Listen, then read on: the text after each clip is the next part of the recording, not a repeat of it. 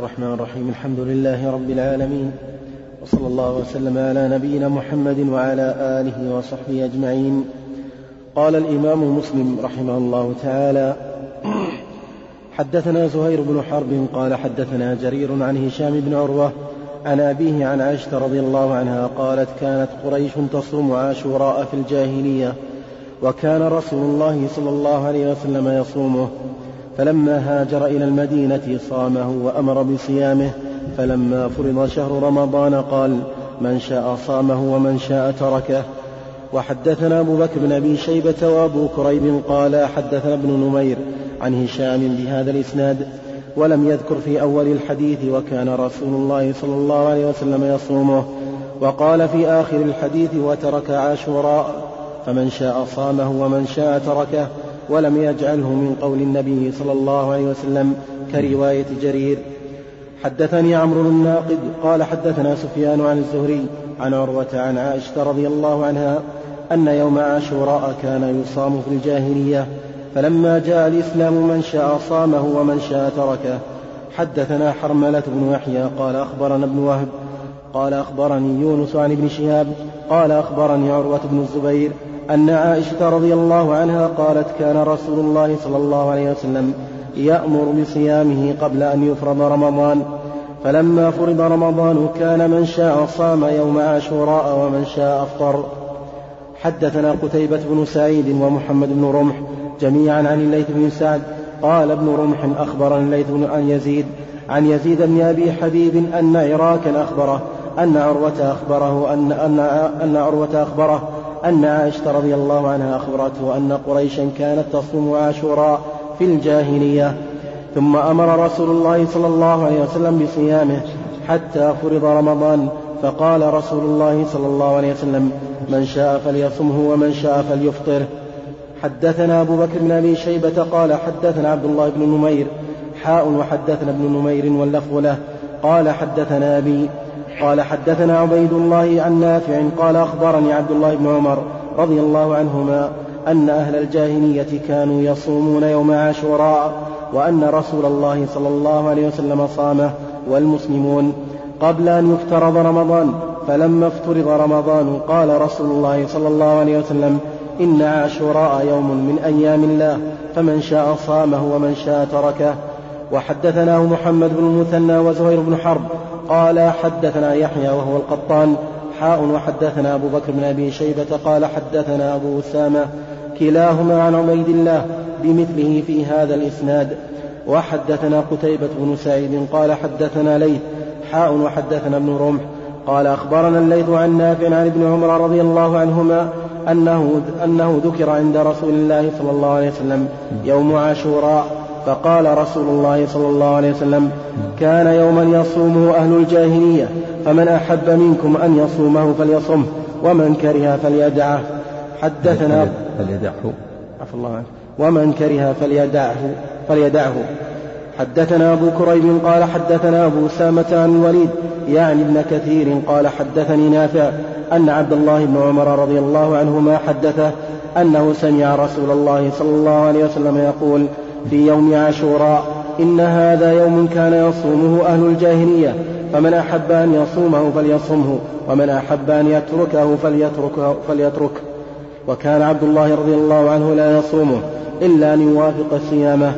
بسم الله الرحمن الرحيم. الحمد لله رب العالمين والصلاة والسلام على نبينا محمد وعلى آله وصحبه أجمعين. أما بعد فهذه الأحاديث فيها مشروعية صيام يوم عاشوراء. وفيها دليل على أن يوم عاشوراء كان مأمورا بصيامه قبل صيام رمضان.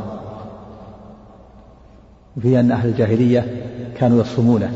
كانت قريش تصومه وكان النبي صلى الله عليه وسلم يصوم في مكة مع قريش تبعا لليهود. وذلك أن اليهود هم أهل الكتاب فكانوا يصومون في المدينة. انتقل هذا إلى أهل مكة علمه من اليهود فصاروا يصومونه. وكان النبي صلى الله عليه وسلم يصومه معهم. فلما هاجر النبي صلى الله عليه وسلم إلى المدينة وجد اليهود يصومون فسألهم فقالوا هذا يوم صالح.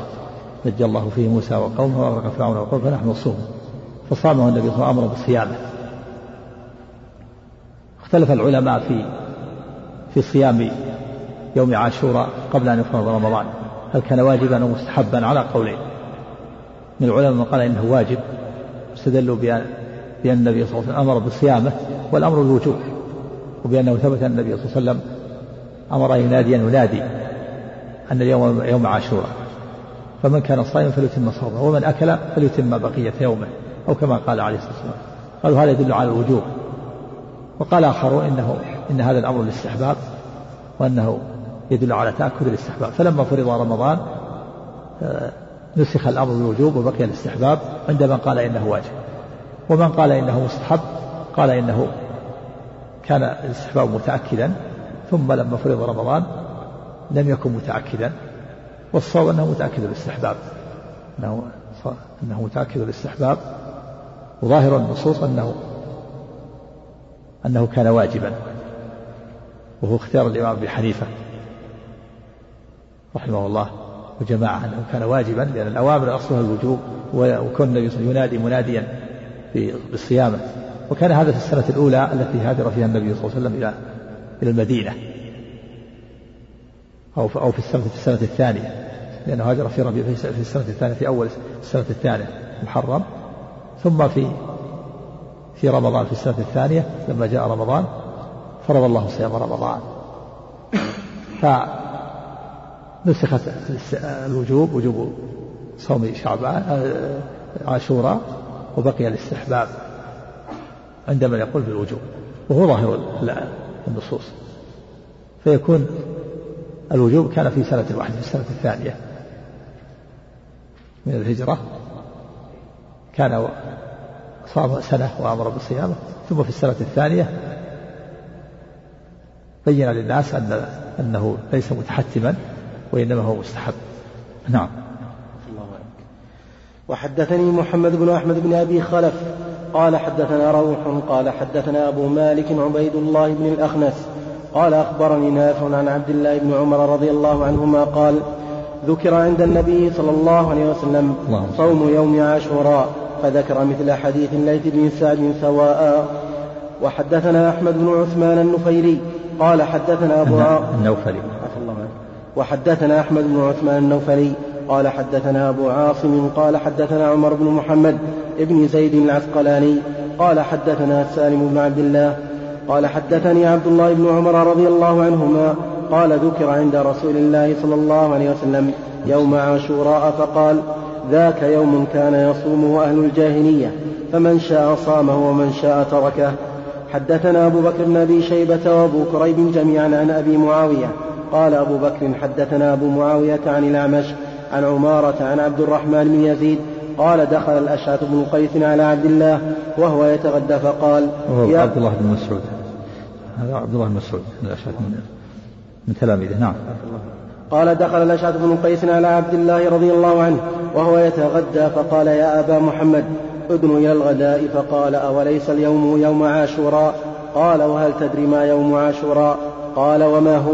قال إنما هو يوم كان رسول الله صلى الله عليه وسلم يصومه قبل أن ينزل شهر رمضان فلما نزل شهر رمضان ترك وقال أبو كريب تركه. وحدثنا زهير بن حرب وعثمان بن أبي شيبة قالا حدثنا جرير عن الأعمش بهذا الإسناد وقال فلما نزل رمضان تركه. وحدثنا أبو بكر بن أبي شيبة قال حدثنا وكيع ويحيى بن سعيد القطان عن سفيان حاء وحدثني محمد بن حاتم واللفظ له.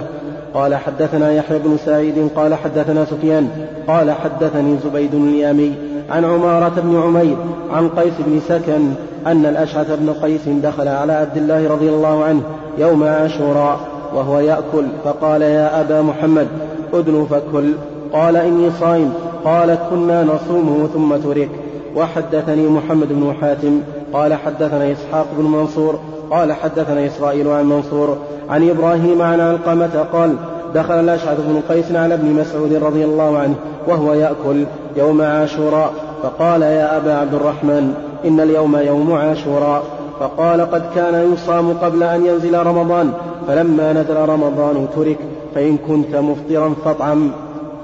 وحدثنا أبو بكر بن أبي شيبة قال حدثنا عبيد الله بن موسى قال أخبرنا شيبان عن أشعث بن أبي الشعثاء عن جعفر بن أبي ثور عن جابر بن سمرة عن جابر بن سمرة رضي الله عنه قال كان رسول الله صلى الله عليه وسلم يأمرنا بصيام يوم عاشوراء ويحثنا عليه ويتعاهدنا عنده فلما فرض رمضان لم يأمرنا ولم ينهنا ولم يتعاهدنا عنده. وهذه الحديث تدل على أن ظاهره أن عبد الله بن عمر وعبد الله بن مسعود لا يريان يعني استحباب صوم يوم عاشوراء وهذا محمول على أنه خفيت عليهم السنة والصواب استحباب صيام يوم عاشوراء. كذلك جابر بن يقول لم يأمر ولم ينهنا. الأمر باقي كما سيأتي في الأحاديث. أن النبي صلى الله عليه وسلم لما قدم المدينة وجدهم يصومون فقال فاليوم يوم عاشوراء فسألهم عن ذلك فقالوا هذا يوم صالح فقال نحن أحق بموسى منكم ثم صامه وأمر بصيامه قول صوموا يوما قبله ويوم بعده لئن بقيت إلى قبل لأصومن التاسع مع العشر. كل هذه النصوص تدل على استحباب صوم يوم عاشوراء. وظاهرا هذه الآثار عن ابن عمر أنه لا يرى استحباب صوم يوم عاشوراء وكذلك عبد الله بن مسعود كان يتغدى يوم عاشوراء. كذلك جابر بن سمرة يقول لم أمر ولم ينهنا صوم الأمر باقي لكن الأمر للاستحباب. نعم.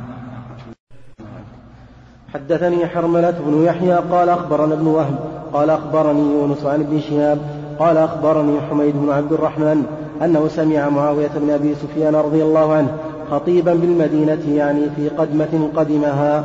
خطبهم يوم عاشوراء فقال أين علماؤكم يا أهل المدينة؟ سمعت رسول الله صلى الله عليه وسلم يقول لهذا اليوم هذا يوم عاشوراء ولم يكتب الله عليكم صيامه وأنا صائم فمن أحب منكم أن يصوم فليصم ومن أحب أن أن يفطر فليفطر.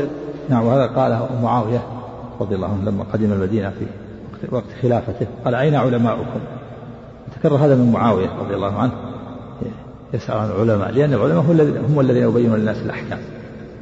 ثم بين لهم أنه صائم يوم عاشوراء وبين أنه ليس بفرض ولهذا قال ولم يكتب الله عليكم صيامه. يعني لم يفرضه وإنما هو مستحب. فمن شاء يصوم ومن شاء فليترك ولكن الصوم مستحب. هذا هذا شأن المستحب. النوافل من شاء فعل ومن شاء ترك. نعم. الله حدثني حدثني أبو الطاهر قال حدثنا كان معاوية سمع من من يوجب صوم. يوم عاشوراء أو من يحرمه هناك من يرى أو يكره هناك من يرى كراهة صوم يوم يوم عاشوراء. قال فيه مشابهة لليهود وانهم آه، يتزينون في يوم عاشوراء أو يلبسون أولادهم ثياب جميله وما أشبه ذلك. بعضهم قال ليس بمستحب وهؤلاء خفيت عليهم السنة والصواب أنه مستحب. ليس بواجب ولا حرام ولا مكروه بل هو مستحب. نعم. عفى الله عنك. حدثني أبو الطاهر قال حدثنا عبد الله بن وهب قال أخبرني مالك بن أنس عن ابن شهاب في هذا الإسناد بمثله.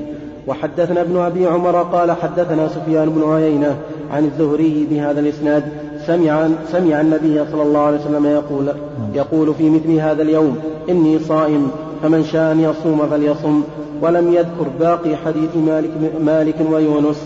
حدثنا يحيى بن يحيى قال أخبرنا هشيم عن أبي بشر عن سعيد بن جبير عن ابن عباس رضي الله عنهما قال قدم رسول الله صلى الله عليه وسلم المدينة ووجد اليهود يصومون يوم عاشوراء فسئلوا عن ذلك فقالوا هذا اليوم الذي أظهر الله فيه موسى وبني إسرائيل على فرعون فنحن نصومه تعظيما له فقال النبي صلى الله عليه وسلم نحن أولى بموسى منكم فأمر بصومه.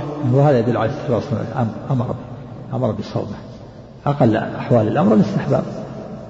هذا فيه الرد على من؟ كره صومه أو من حرمه.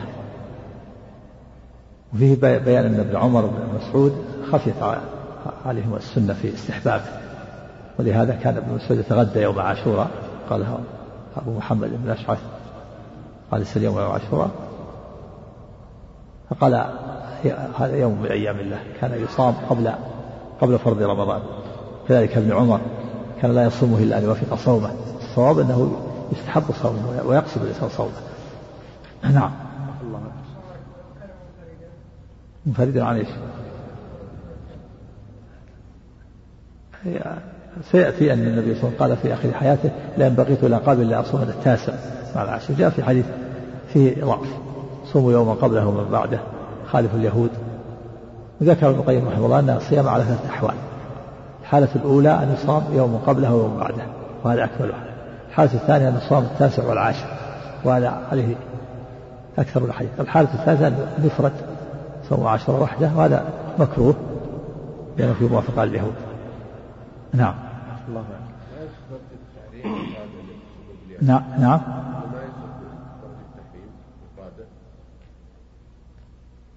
لا القول بالتحريم. القول بالتحريم في نظر مكروه. نعم. وحدثنا أبو بشار وأبو بكر بن نافع جميعا عن محمد بن جعفر عن شعبة عن أبي بشر بهذا الإسناد وقال فسألهم عن ذلك. وحدثني ابن أبي عمر قال حدثنا سفيان عن أيوب عن عبد الله بن سعيد بن جبير عن أبيه عن ابن عباس رضي الله عنهما أن رسول الله صلى الله عليه وسلم قدم المدينة فوجد اليهود صياما يوم عاشوراء فقال لهم رسول الله صلى الله عليه وسلم ما هذا اليوم الذي تصومونه؟ ما هذا اليوم الذي تصومونه؟ فقالوا هذا يوم عظيم أنجى الله فيه موسى وقومه وغرق فرعون وقومه فصامه موسى شكرا فنحن نصومه. فقال رسول الله صلى الله عليه وسلم فنحن أحق وأولى بموسى منكم فصامه رسول الله صلى الله عليه وسلم وأمر بصيامه. وحدثنا إسحاق بن إبراهيم قال أخبرنا عبد الرزاق قال حدثنا معمر عن أيوب بهذا الإسناد إلا أنه قال عن ابن سعيد بن جبير لم يسمه. وحدثنا أبو بكر بن أبي شيبة بن نمير قال حدثنا أبو أسامة عن أبي عميس عن قيس بن مسلم عن طارق بن شهاب عن أبي موسى رضي الله عنه قال كان يوم عاشوراء يوم يوما تعظمه اليهود وتتخذه عيدا فقال رسول الله صلى الله عليه وسلم صوموه أنتم. وحدثناه أحمد بن المنذر قال حدثنا حماد بن أسامة قال حدثنا أبو العميس قال أخبرني قيس فذكر بهذا الإسناد مثله. وزاد قال أبو أسامة فحدثني صدقة بن أبي عمران عن قيس بن مسلم عن طارق بن شهاب عن أبي موسى رضي الله عنه قال كان أهل خيبر يصومون يوم عاشوراء يتخذونه عيدا ويلبسون نساءهم فيه حليهم وشاراته وشاراتهم. وشارتهم. عفى الله عنك. ويلبسون نساءهم فيه حليهم وشارتهم. شارتهم يعني الثياب الجميلة والهيئة الحسنة. الجمال. يعني يلبسونها الألبسة الجميلة. فقال, نعم. فقال رسول الله صلى الله عليه وسلم فصوموه أنتم حدثنا أبو بكر بن أبي شيبة وعمر الناقد جميعا كل هذه الحديث فيها آه، الأمر بالصيام ويدل على استحباب الصيام ومن رأى عدم استحبابه فلأنه خفيت عليه السنة من الصحابة وغيرهم السنة حاكمة على كل أحد. نعم. حدثنا أبو بكر بن أبي شيبة وعمر الناقد جميعا عن سفيان قال أبو بكر حدثنا حدثنا ابن عيينة عن عبيد الله بن أبي يزيد سمع ابن عباس رضي الله عنهما وسئل عن صيام يوم عاشوراء فقال ما علمت أن رسول الله صلى الله عليه وسلم صام يوما يطلب فضله على الأيام إلا هذا اليوم ولا شهرا إلا هذا الشهر يعني رمضان. نعم وهذا صريح في فضل يوم عاشوراء ابن عباس والنبي يطلب فضله. ويقصده نعم. وحدثني محمد بن رافع قال حدثنا عبد الرزاق قال أخبرنا ابن جريج قال أخبرني عبيد الله بن أبي يزيد في هذا الإسناد بمثله. وحدثنا أبو بكر بن أبي شيبة قال حدثنا وكيع بن الجراح عن حاجب بن عمر عن الحكم بن عن, عن, عن الحكم بن الأعرج. قال انتهيت إلى ابن عباس رضي الله عنهما وهو متوسد رداءه في زمزم. فقلت له أخبرني عن صوم عاشوراء. فقال إذا رأيت هلال المحرم فاعدد وأصبح يوم التاسع صائما. قلت هكذا كان رسول الله صلى الله عليه وسلم يصومه. قال نعم.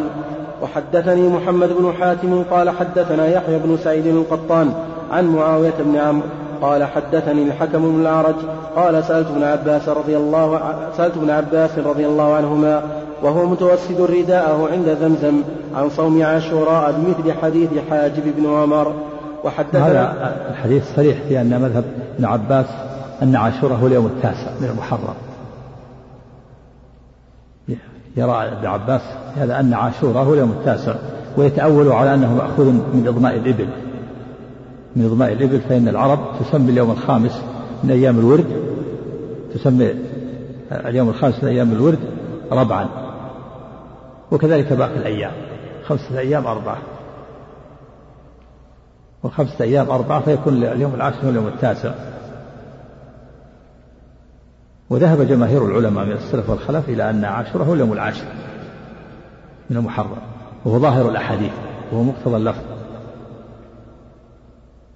وأما تقدير أخذه من, من الإضماء من إضماء الإبل فبعيد. ويرد على على هذا ابن عباس حديث ابن عباس الثاني أن النبي صلى الله عليه وسلم كان يصوم يوم عاشوراء ولما ذكروا أن اليهود يصوم. تصوم قال إنه في العام المقبل لئن بقيت إلى قبل لأصومن التاسع. هذا يرد هذا المذهب. سيأتي من قول أحد ابن عباس. فهذا المذهب ضعيف. إنه من اضماء الإبل ويكون يجعل اليوم العاشر هو التاسع. هذا اضماء الإبل خاص بالعرب. لكن كونهم يجعلون اليوم الخامس هو اليوم الرابع. نعم. وحدثنا الحسن بن علي الحلواني قال حدثنا ابن أبي مريم قال حدثنا يحيى بن أيوب قال حدثني إسماعيل بن أمية أنه سمع أبا غطفان بن طريف المري يقول سمعت عبد الله بن عباس رضي الله عنهما يقول حين صام رسول الله صلى الله عليه وسلم يوم عاشوراء وأمر بصيامه قالوا يا رسول الله إنه يوم تعظمه اليهود والنصارى فقال رسول الله صلى الله عليه وسلم فإذا كان العام المقبل إن شاء الله صمنا اليوم التاسع. قال فلم يأتي العام المقبل حتى توفي رسول الله صلى الله عليه وسلم. نعم هذا يرد على على ما رواه حاجب بن عمر أن اليوم العاشر هو التاسع. هذا صريح. لأن النبي صلى الله عليه وسلم صام اليوم العاشر فإذا كان عام المقبل إن شاء الله قال صمنا اليوم التاسع. دل على اليوم العاشر هو العاشر. نعم. نعم. اجتهاد اجتهاد اجتهاد في التأويل. نعم. وحدثنا أبو بكر بن أبي شيبة وأبو كريب. يحتمل أن أنه كان يرى هذا أولا ثم رجع عنه لأنه هو راوي الحديث هذا. نعم. كان يرى هذا ثم تبين له أن اليوم العاشر هو اليوم العاشر. نعم. الله أكبر. وحدثنا أبو بكر بن أبي شيبة وأبو كريب قال حدثنا وكيع عن ابن أبي ذئب عن القاسم بن عباس عن عبد الله بن عمير لعله قال عن عبد الله بن عباس رضي الله عنهما قال قال رسول الله صلى الله عليه وسلم لئن بقيت إلى قابل لأصومن التاسع. وفي رواية أبي بكر قال يعني يوم عاشوراء. حدثنا قتيبة بن سعيد قال حدثنا حاتم يعني ابن يعني ابن إسماعيل عن يزيد بن أبي عبيد عن سلمة بن الأكوع رضي الله عنه أنه قال بعث رسول الله صلى الله عليه وسلم رجلا من أسلم يوم عاشوراء فأمره أن يؤذن في الناس. من كان من كان لم يصم فليصم ومن كان أكل فليتم صيامه إلى الليل. وهذا قبل أن يفرض رمضان. نعم. وحدث الأولى نعم. وحدثني الثانية من الهجرة نعم. وحدثني أبو بكر بن نافع العبدي قال حدثنا بشر بن المفضل بن لاحق قال حدثنا خالد بن ذكوان عن الربيع بنت معوذ بن عفراء رضي الله عنها قالت أرسل رسول الله صلى الله عليه وسلم غداة عاشوراء إلى قرى الأنصار التي حول المدينة. من كان أصبح صائما فليتم صومه ومن كان أصبح مفطرا فليتم بقية يومه. وهذا يؤيد القول بالوجوب وأنه كان واجبا. ظاهر حتى من أكل أمره أن يتم صومه. يتم ولو ولو أكل في أول النهار. ومن كان صائما فليتم صومه. هذا قول بالوجوب قول قوي وهو قول أبي حنيفة خلافا للشافعي وجماعة نعم. فكنا بعد ذلك نصومه ونصوم صبياننا الصغار منهم إن شاء الله ونذهب إلى المسجد فنجعل لهم اللعبة من العهن. فإذا بكى أحدهم على الطعام أعطيناها إياه عند الإفطار. وحدثناه يحيى بن يحيى قال حدثنا أبو معشر العطار عن خالد بن ذكوان قال سألت الربيع بنت, بنت معوذ رضي الله عنها عن صوم عاشوراء قالت بعث رسول الله صلى الله عليه وسلم رسله في قرى الأنصار. فذكر بمثل حديث بشر غير أنه قال ونصنع لهم اللعبة من العهن فنذهب به معنا فإذا سألونا الطعام أعطيناهم اللعبة تلهيهم حتى يتموا صومهم. وهذا في عناية الصحابة واهتمامهم بتربية أولادهم تمرينهم على على العبادة مر السنة تمرين الصغار على إذا كانوا يطيقون على الصيام قبل أن يبلغوا. بعض الناس يتساهل بهذا ويقول انه إنه يرحم وانه ما يستطيع يصوم إذا كان يتركه إذا كان يصوم الحمد لله يصوم. وإذا ما استطاع وأفطر فلا فلا حرج. كذلك يدرب على الصلاة يقول مروا أولادكم بالصلاه لسبب وضربهم عليها العشر. لأن إذا ترك حتى يبلغ ثقل عليه الأمر. نعم. المحلف رحمه الله أطال في يوم عاشوراء نشر رحمه الله. نعم. وحدثنا يحيى بن يحيى قال قرأت على مالك عن ابن شهاب عن أبي عبيد مولى بن أزهر أنه قال شهدت العيد مع عمر بن الخطاب رضي الله عنه فجاء فصلى ثم انصرف ثم انصرف فخطب الناس فقال إن هذين يومان نهى رسول الله صلى الله عليه وسلم عن صيامهما يوم فطركم من صيامكم والآخر يوم تأكلون فيه من نسككم. وحدثنا يحيى بن يحيى قال قرأت على مالك عن محمد بن يحيى بن حبان عن الأعرج عن أبي هريرة رضي الله عنه أن رسول الله صلى الله عليه وسلم نهى عن صيام يومين يوم الأضحى ويوم الفطر. حدثنا قتيبة بن سعيد قال حدثنا جرير عن عبد الملك وهو ابن عمير عن قزعة عن أبي سعيد رضي الله عنه قال سمعت منه حديثا فأعجبني فقلت له آه فقلت له أنت سمعت هذا من رسول الله صلى الله عليه وسلم؟ قال فأقول على رسول الله صلى الله عليه وسلم ما لم أسمع. قال سمعته يقول لا يصلح الصيام في يومين لا يصلح, لا يصلح الصيام في يومين يوم الأضحى ويوم الفطر من رمضان. قوله أنت استفهام. أصلا أنت سهلت هذه الصوت أنت وهذا صريح في تحريم صوم يوم يومي العيدين. وأنه يحرم صوم يوم الفطر ويوم الأضحى. مطلقا لا يجوز صوم مطلقا لا يصوم عن نذر ولا عن كفارة ولا عن رمضان ولا عن تطوع. صومهما حرام. قد نقل الإجماع على وهذا مجمع عليه من أهل العلم لكن روي عن عن أبي حنيفة أنه قال ينعقد لو ويلزم قضاءهما إذا نذر. إذا نذر صوم يوم العيدين. وروي أنه قال فإن صام أجزع أنه يقول أنه خالف الناس كلهم لكن ثبت هذه تكون زلة عالم. يوم العيد يومان مجمع على صيامهما على على تحريم صيامهما. يوم الفطر ويوم الأضحى. وكذلك أيام التشريق الثلاثة إلا لمن لم يجد الهدي كما سيأتي. تكون خمسة أيام في السنة يحرم صومها. يوم الأضحى يوم الفطر من رمضان يوم النحر يوم العيد ويوم النحر وعيد الأضحى وثلاثة أيام التشريق بعد يوم بعد يوم الأضحى. لكن أيام التشريق الثلاثة يستثنى منها الحاج المتمتع والقارئ إذا لم يجد الهدي ولم يتمكن من صيامها قبل العيد ولم يصومها قبل العيد يصومها أيام التشريق نعم. نعم. يوم الشك كذلك. الصواب أنه لا يجوز محرم صوم. من صام اليوم الذي يشك فيه وقد عصى وقد سبق. نعم. نعم. غفر الله لك. وحدثنا أبو كامل الجحدري قال حدثنا عبد العزيز بن المختار قال حدثنا عمرو بن يحيى عن أبيه عن أبي سعيد الخدري رضي الله عنه أن رسول الله صلى الله عليه وسلم نهى عن صيام يومين يوم الفطر ويوم النحر. وحدثنا أبو بكر بن أبي شيبة قال حدثنا وكيع عن ابن عون عن زياد بن جبير قال جاء رجل إلى ابن عمر رضي الله عنهما فقال إني نذرت أن أصوم يوما فوافق يوم أضحى أو فطر. فقال ابن عمر رضي الله عنهما أمر الله تعالى بوفاء النذر. ونهى رسول الله صلى الله عليه وسلم عن صيام عن صوم يوم عن صوم هذا اليوم.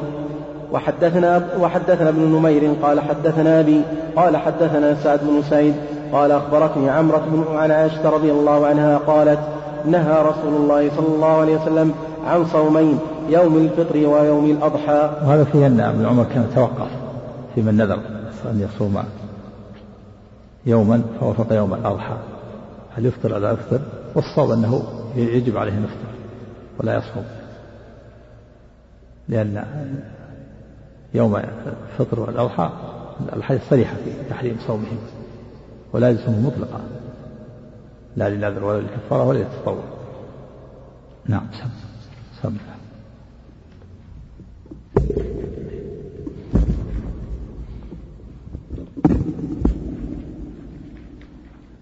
وحدثنا سريج بن يونس قال حدثنا هشيم قال أخبرنا خالد عن, عن أبي المليح عن نبيشة الهذلي قال قال رسول الله صلى الله عليه وسلم أيام التشريق أيام أكل وشرب.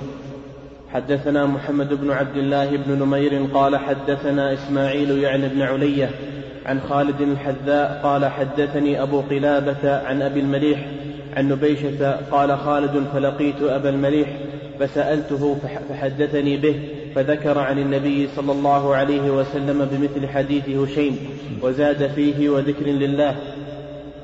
وحدثنا أبو بكر بن أبي شيبة قال حدثنا محمد بن سابق قال حدثنا إبراهيم بن طهمان عن أبي الزبير عن ابن كعب بن مالك عن أبيه أنه حدثه أن رسول الله صلى الله عليه وسلم بعثه وأوس بن الحدثان أيام التشريق فنادى أنه لا يدخل الجنة إلا مؤمن وأيام من أيام أكل وشرب. وحدثناه عبد بن حميد قال حدثنا أبو عامر عبد الملك بن, بن عمرو. قال حدثنا إبراهيم بن طهمان بهذا الإسناد غير أنه قال فناديا.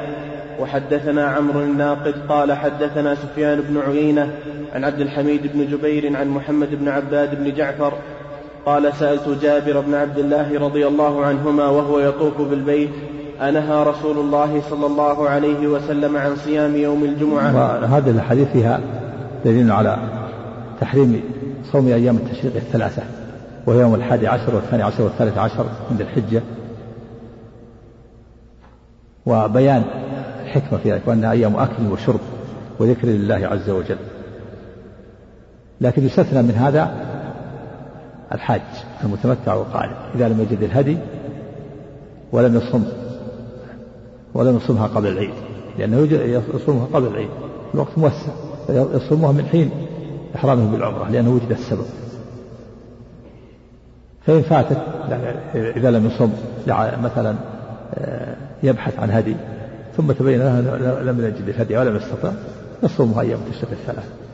وهذا ثبت في صحيح البخاري ما أخرجه مسلم هنا لكن ثبت في صحيح البخاري النبي النبي عن عائشة عن النبي صلى الله عليه وسلم قال لم يرخص في أيام التشريق أن يصومنا إلا لمن لم يجد الهدي. عن عائشة وابن عمر رواه البخاري رحمه الله. فيستثنى يكون مستثنى الحاج خاصة الذي لم يجد الهدي عليه هدي ولم يجد الهدي ولم يصومها قبل العيد. وما عداه فإنه يحرم يحرم صومها نعم. نعم. وش اليوم أول يوم؟ يوم العيد هذا حرام ما في يوم العيد يوم الفطر يوم الأضحى هذه حرام. لا تصام على أي حال. ما في كلام بإجماع المسلمين إجماع العلماء عليه. لكن الكلام في أيام التشريق الثلاثة الحادي عشر والثاني عشر والثالث عشر. نعم. وحدثنا عمرو الناقد قال حدثنا سفيان بن عيينة عن عبد الحميد بن جبير عن محمد بن عباد بن جعفر قال سألت جابر بن عبد الله رضي الله عنهما وهو يطوف بالبيت أنهى رسول الله صلى الله عليه وسلم عن صيام يوم الجمعة فقال نعم ورب هذا البيت. وحدثنا محمد بن رافع قال حدثنا عبد الرزاق قال أخبرنا ابن جريج قال أخبرني عبد الحميد بن جبير بن, شي بن شيبة أنه أخبره محمد بن عباد بن جعفر أنه سأل جابر بن عبد الله رضي الله عنهما بمثله عن النبي صلى الله عليه وسلم.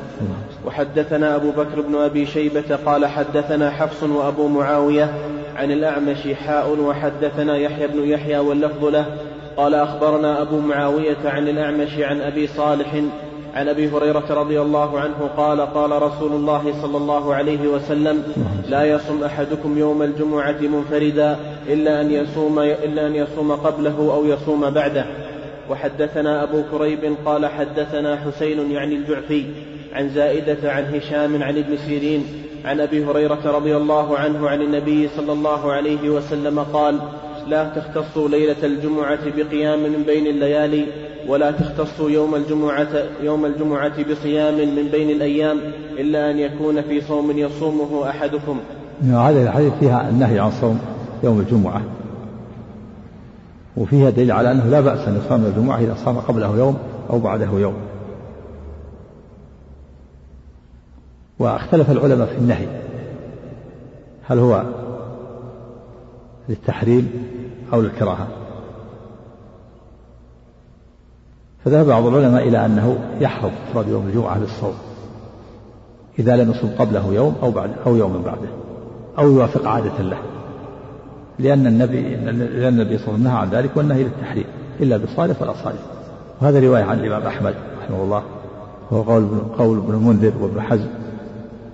حكاه ابن حزم عن خمسة من الصحابة. وهم علي وأبو هريرة وأبو ذر يرون أن التحريم وذهب الجمهور إلى أن النهي للكراهة. و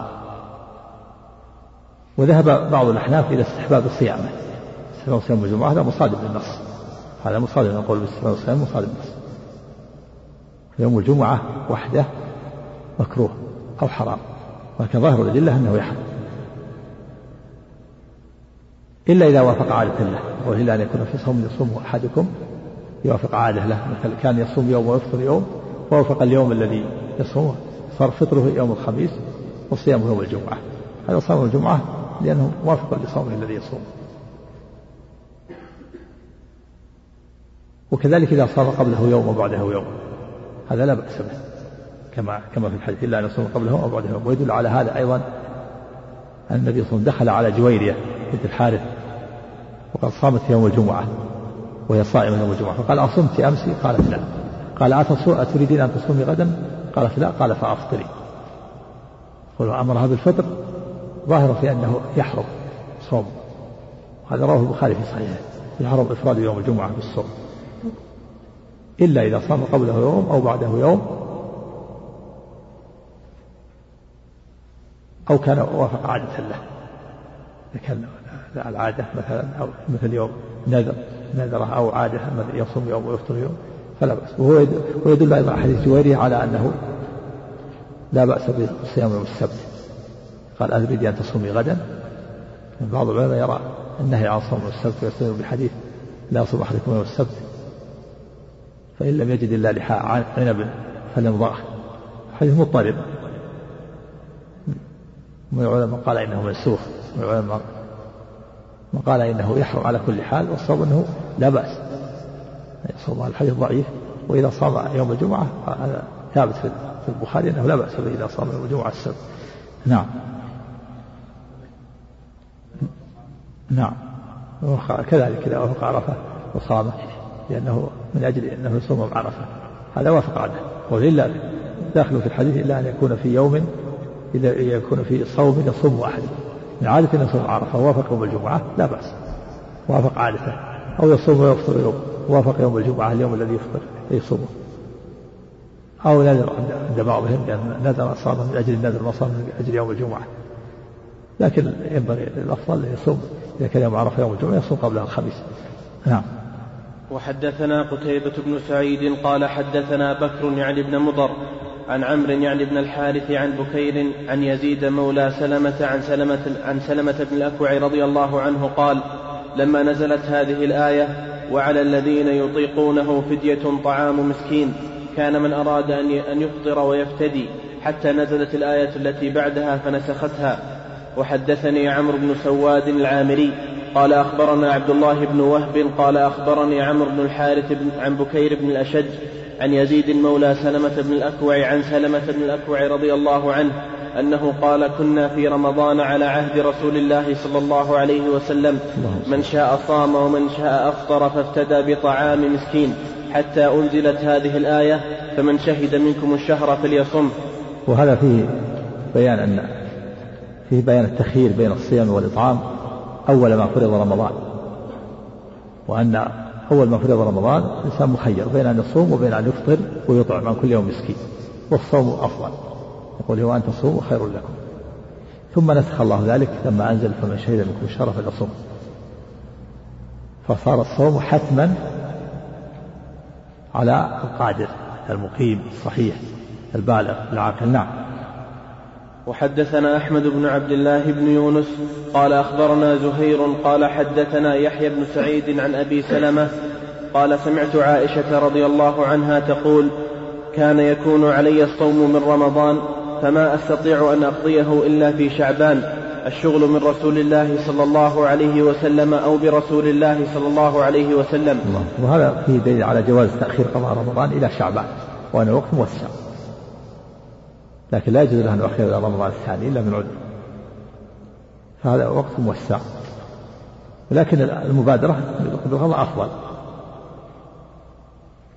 لكنه قضاء رمضان موسع. من رمضان إلى رمضان. ولهذا كانت عائشة تؤخر إلى شعبان لانشغالها بالنبي صلى الله عليه وسلم. نعم. نعم. ما ينبغي هذا. الله تعالى ما يسأل ما يسألك عن النفل وإنما يسألك عن عن الواجب. إذا كان سيريد أن يتنفل يبدأ بالواجب أول. يبدأ بالواجب. الواجب مقدم. يصوم الواجب ثم يصوم النفل. نعم. وحدثنا إسحاق بن إبراهيم قال أخبرنا بشر بن عمر الزهراني قال حدثني سليمان بن بلال قال حدثنا يحيى بن سعيد بهذا الإسناد غير أنه قال وذلك لمكان رسول الله صلى الله عليه وسلم. وحدثنيه محمد بن رافع قال حدثنا عبد الرزاق قال أخبرنا ابن جريج قال حدثني يحيى بن سعيد بهذا الإسناد وقال فظننت أن ذلك لمكانها من النبي صلى الله عليه وسلم. يحيى يقوله وحدثنا محمد بن المثنى قال حدثنا عبد الوهاب حاء وحدثنا عمرو الناقد قال حدثنا سفيان كلاهما عن يحيى بهذا الإسناد. ولم يذكرا في الحديث الشغل برسول الله صلى الله عليه وسلم. وحدثني محمد بن أبي عمر المكي قال حدثنا عبد العزيز بن محمد الدراوردي عن يزيد بن عبد الله بن الهاد عن محمد بن إبراهيم عن أبي سلمة بن عبد الرحمن عن عائشة رضي الله عنها أنها قالت إن كانت إحدانا لتفطر في زمان رسول الله صلى الله عليه وسلم فما تقدر على أن تقضيه مع رسول الله صلى الله عليه وسلم حتى يأتي شعبان. في كونها ما تؤخر عن عن شعبان دليل على أنه لا يجوز التأخير إلى إلى رمضان الثاني إلا من عذر. ولهذا آخر حد شعبان. تنتظر حتى يأتي شعبان ثم لا تؤخر. إذا بقي مثلا أربعة أيام إلى رمضان وعليه أربعة أيام يجب عليه صوم هذه الأربعة. إلا من إلا إذا كان معذور مريض. نعم ومسافر نعم. وحدثني هارون بن سعيد الأيلي وأحمد بن عيسى قال حدثنا ابن وهب قال أخبرنا عمرو بن الحارث عن عبيد الله بن أبي جعفر عن محمد بن جعفر بن الزبير عن عروة عن عائشة رضي الله عنها أن رسول الله صلى الله عليه وسلم قال من مات وعليه صيام صام عنه وليه. وحدثنا وهذا الحديث رواه البخاري في الصحيح ومتفق عليه وهو دليل على أن من مات وعليه صيام صام عنه وليه وهو عليه يعني عليه صوم واجب كلمة عليه تفيد الوجوب مات عليه الصيام. وهذا عام سواء كان عليه صيام من رمضان أو صيام نذر أو كفارة. فإنه يصوم عنه وليه يقضي عنه. لعموم الحديث من مات وعليه الصيام صام عنه وليه فإنه نكرة نكرة في سياق الشر. من؟ شر. صيام نكرة والنكرة في سياق النفي أو النهي أو الشر كما هو مقرر في الأصول. ومن مات وعليه الصيام صام عنه ولي. يشمل صوم النفل صوم النذر صوم الكفارة صوم رمضان. والقضاء من الولي ليس بواجب. وهو مستحب. لا واجب على الولي. لأن الله تعالى يقول ولا تزر وازرة وزر أخرى. فإن لم يرد الولي الصوم عن الميت أطعم عنه مكان كل يوم مسكين. إذا أحب أن يقضي الولي والولي هو القريب. قريبه الوارث وغير الوارث. من أب أو جد أو أم أو أخ. وإن صام عنه أجنبي فلا بأس إذا أخبر وليه وقال بعض العلماء إن القضاء خاص بصوم النذر دون صيام رمضان فلا يقضى على الميت. قالوا لأن ما وجب بأصل الشرع لا يقضى. صوم رمضان ما يقضى إنما يقضى صوم النذر صوم النذر أو الكفارة. فذهب إلى هذا كثير من العلماء من الشافعية والحنابلة. واستدلوا بما جاء في بعض روايات الحديث من مات وعليه صوم نذر. في رواية الإمام أحمد صام عنه ولي قالوا إن الشيء الذي وجب بأصل الشرع لا يقضى الميت الفريضة ما تقضى على الميت فريضة الصلاة فريضة الصوم هكذا قرروا والصواب أن الحديث عام. وقول مرجوح قول الجمهور. وقال بعض العلماء لا يصام عن الميت مطلقا. مطلقا. لا صوم رمضان ولا صوم ندب وإنما يطعم عنه. وهذا اختيار الإمام أبي حنيفة واستدلوا برواية النساء من مات وعليه صوم أطعم عنه وليه لكنه لكن رواية النساء ضعيف حديث النساء ضعيف. الصوم القول الأول وهو الصيام على الميت مطلقا. وإنما يصام على الميت إذا تمكن الميت من من الصيام ثم لم يصم. بأن مثلا شفي من مرضه قدر الأيام التي عليه ثم ثم لم يصم. أو قدم من سفر قدر الأيام التي أفطرها ثم لم يصم أما إذا لم يتمكن الميت من الصيام بأن اتصل به المرض مثلا حتى مات أو مات وهو في سفره وقد أفطر فهذا لا يصام لا يصام عنه ولا يطعم عنه.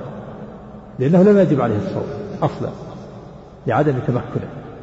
يقول الله تعالى فمن كان منكم مريضا فمن كان منكم مريضا أو على سفر فعدة من أيام أخرى. وهذا لم يتمكن من العدة. نعم. بعض الناس يستفتي كثير الناس يستفتون يقول يسأل عن ميته انه اتصل به المرض ومات فهل نقضي عنه؟ لا. هذا اتصل به المرض الحمد لله ما وجب عليه ما تمكن منه. لا يصام عنه ولا يطعم عنه. نعم. أو أو يرجى بره ما دام المرض متصل ولا تمكن ما شوف المرض حتى حتى يتمكن من القضاء. استمر به المرض حتى مات ما, ما تمكن. ولو كان ندب نعم ولو كان ندب ما دام ما تمكن. نعم.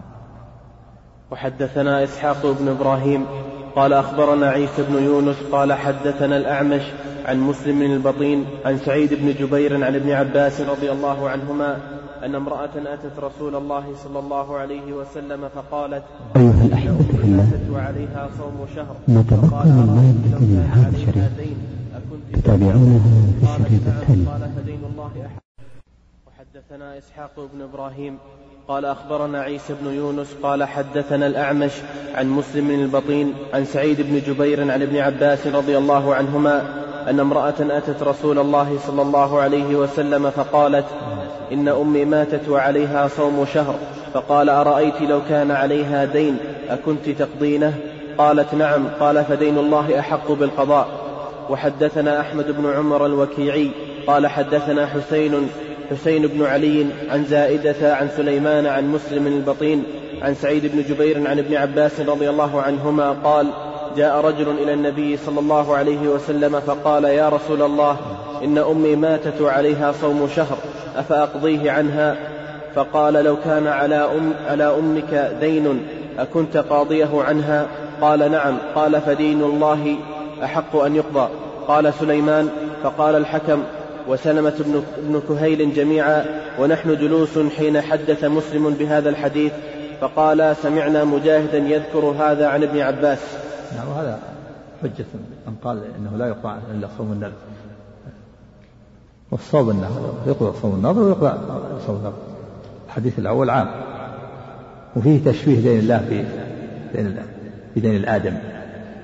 وفيه إثبات القياس والرد على من أنكر أنه يقاس قاس دين الله على دين آدم. قال أكنت أرأيت لو كان على أمك دين أكنت قاضية؟ قالت قال نعم. قال فدين الله حق أن يقضى نعم. وحدثنا أبو سعيد الأشج قال حدثنا أبو خالد الأحمر قال حدثنا الأعمش عن سلمة بن كهيل والحكم بن عتيبة يعني هذا دين وهذا دين في تشبيه دين. كما أن الآدمي يقرأ دينه فكذلك دين الله. النذر إذا نذر الإنسان هذا دين دين عليه. فكما أنه يقضى على الميت الدين دين الآدمي فكذلك يقضى دين الله. نعم. وحدثنا أبو سعيد الأشج قال حدثنا أبو خالد الأحمر قال حدثنا الأعمش عن سلمة بن كهيل والحكم بن عتيبة ومسلم البطين عن سعيد بن جبير ومجاهد وعطاء عن ابن عباس رضي الله عنهما عن النبي صلى الله عليه وسلم بهذا الحديث. وحدثنا إسحاق بن منصور وابن أبي خلف وعبد بن, وعبد بن حميد جميعا عن زكرياء بن, بن عدي. قال عبد حدثني زكرياء بن عدي. قال أخبرنا عبيد الله بن عمرو عن زيد بن أبي أنيسة قال حدثنا الحكم بن عتيبة عن سعيد بن جبير عن ابن عباس رضي الله عنهما قال جاءت امرأة إلى رسول الله صلى الله عليه وسلم فقالت يا رسول الله إن أمي ماتت وعليها صوم نذر أفأصوم عنها؟ قال أرأيت لو كان على أمك دين فقضيتيه أكان ذلك يؤدي عنها؟ قالت نعم. قال فصومي عن أمك. وحدثني علي بن حجر السعدي قال حدثنا علي بن مسهر أبو الحسن عن عبد الله بن عطاء عن عبد الله بن بريدة عن أبيه رضي الله عنه قال بين أنا جالس عند رسول الله صلى الله عليه وسلم إذ أتته امرأة فقالت إني تصدقت على أمي بجارية وإنها ماتت. قال فقد قال فقال وجب أجرك وردها عليك الميراث. قالت يا رسول الله إنه كان عليها صوم شهر أفأصوم عنها؟ قال صومي عنها. قالت إنها لم تحج قط أفأحج عنها؟ قال حجي عنها. وهذا الحديث فيه ثلاثة أحكام. الحكم الأول مشروعية الرد في الميراث وهو رد الباقي بعد ميراث ذوي الفروض على على أهل الفروض. إذا لم يوجد معصب غير الزوجين فلا يرد عليهم الزوجان لا يرد عليهم فإذا مات شخص عن بنت ولم يوجد غيرها من الورثة لا أصحاب فروض ولا تعصيب فالمال لها فرضا وردا لها النصف فرض والنصف الثاني يرد عليها. لأن هذه الجارية آه هذه المرأة قالت تصدقت على أمي بجارية يعني وليدة وإنها ماتت. فقال النبي صلى الله عليه وسلم وجب أجرك وردها عليك الميراث. وجب أجرها على الله ثم ردها الميراث فورثتها عن أمها. نصف نصفها فرض ونصفها رد. ف فإذا لم يوجد إلا واحد من الورثة أو اثنين من ذوي الفروض وبقي بقية ولم يوجد معصب يرد عليهم أما ذوي الأرحام فلا يرثون إلا عند عدم وجود صاحب فرض أو تعصيب على القول بتوريثه. ذوي الأرحام مختلف فيهم لكن من ورث ذوي الأرحام قال إذا لم يجد صاحب فرض ولا تعصيب يورثه. أما إذا وجد صاحب فرض فإنه يأخذ فرضه فإن وجد معصب أخذ الباقي وإن لم يوجد رد عليه. فهذه المرأة ورثت الجارية عن أمها فرضا وردا لأن لها النصف فرض والنصف الثاني رد. والحكم الثاني في الحديث قضاء الصوم على الميت. قالت, قالت إني إن أمي ماتت إن عليها صوم شهر. والحكم الثاني قضاء الحج الحج على الميت. وفي الحديث الرد على من أنكر الرد في الفرائض. نعم. النبي صلى الله عليه وسلم. ما استفسر منها؟ هل كان العذر تصل ندر نعم. نعم. نعم. نعم. كم؟ وحدثناه أبو بكر بن أبي شيبة قال حدثنا عبد الله بن نمير عن عبد الله بن عطاء عن عبد الله بن بريدة عن أبيه رضي الله عنه قال كنت جالسا عند النبي صلى الله عليه وسلم بمثل حديث ابن مسهر غير أنه قال صوم شهرين. وحدثنا عبد بن, حميد قال أخبرنا عبد الرزاق قال أخبرنا الثوري عن عبد الله بن عطاء عن, عن ابن بريدة عن أبيه رضي الله عنه قال جاءت امرأة للنبي صلى الله عليه وسلم فذكر بمثله وقال صوم شهر. وحدثنيه إسحاق بن منصور قال أخبرنا عبيد الله بن موسى عن سفيان بهذا الإسناد وقال صوم شهرين. وحدثني ابن أبي خلف قال حدثنا إسحاق بن يوسف قال حدثنا عبد الملك بن أبي سليمان عن عبد الله بن أبي عطاء المكي عن سليمان بن بريدة عن أبيه رضي الله عنه قال أتت امرأة إلى النبي صلى الله عليه وسلم بمثل حديثهم وقال صوم شهر. حدثنا أبو بكر بن أبي شيبة. سم. سم. نعم. نعم شو السؤال؟ السؤال شيخ مسلم ما استفسر شيخ هل هي كانت مأجورة حتى توفت نعم. معروف هذا من الحديث الأخرى. الحديث فسروا بعضها بعضا. نعم. نعم. نعم. ها؟ إيه. سيأتي سيأتي هذا في البخاري إن شاء الله درس يأتينا في البخاري.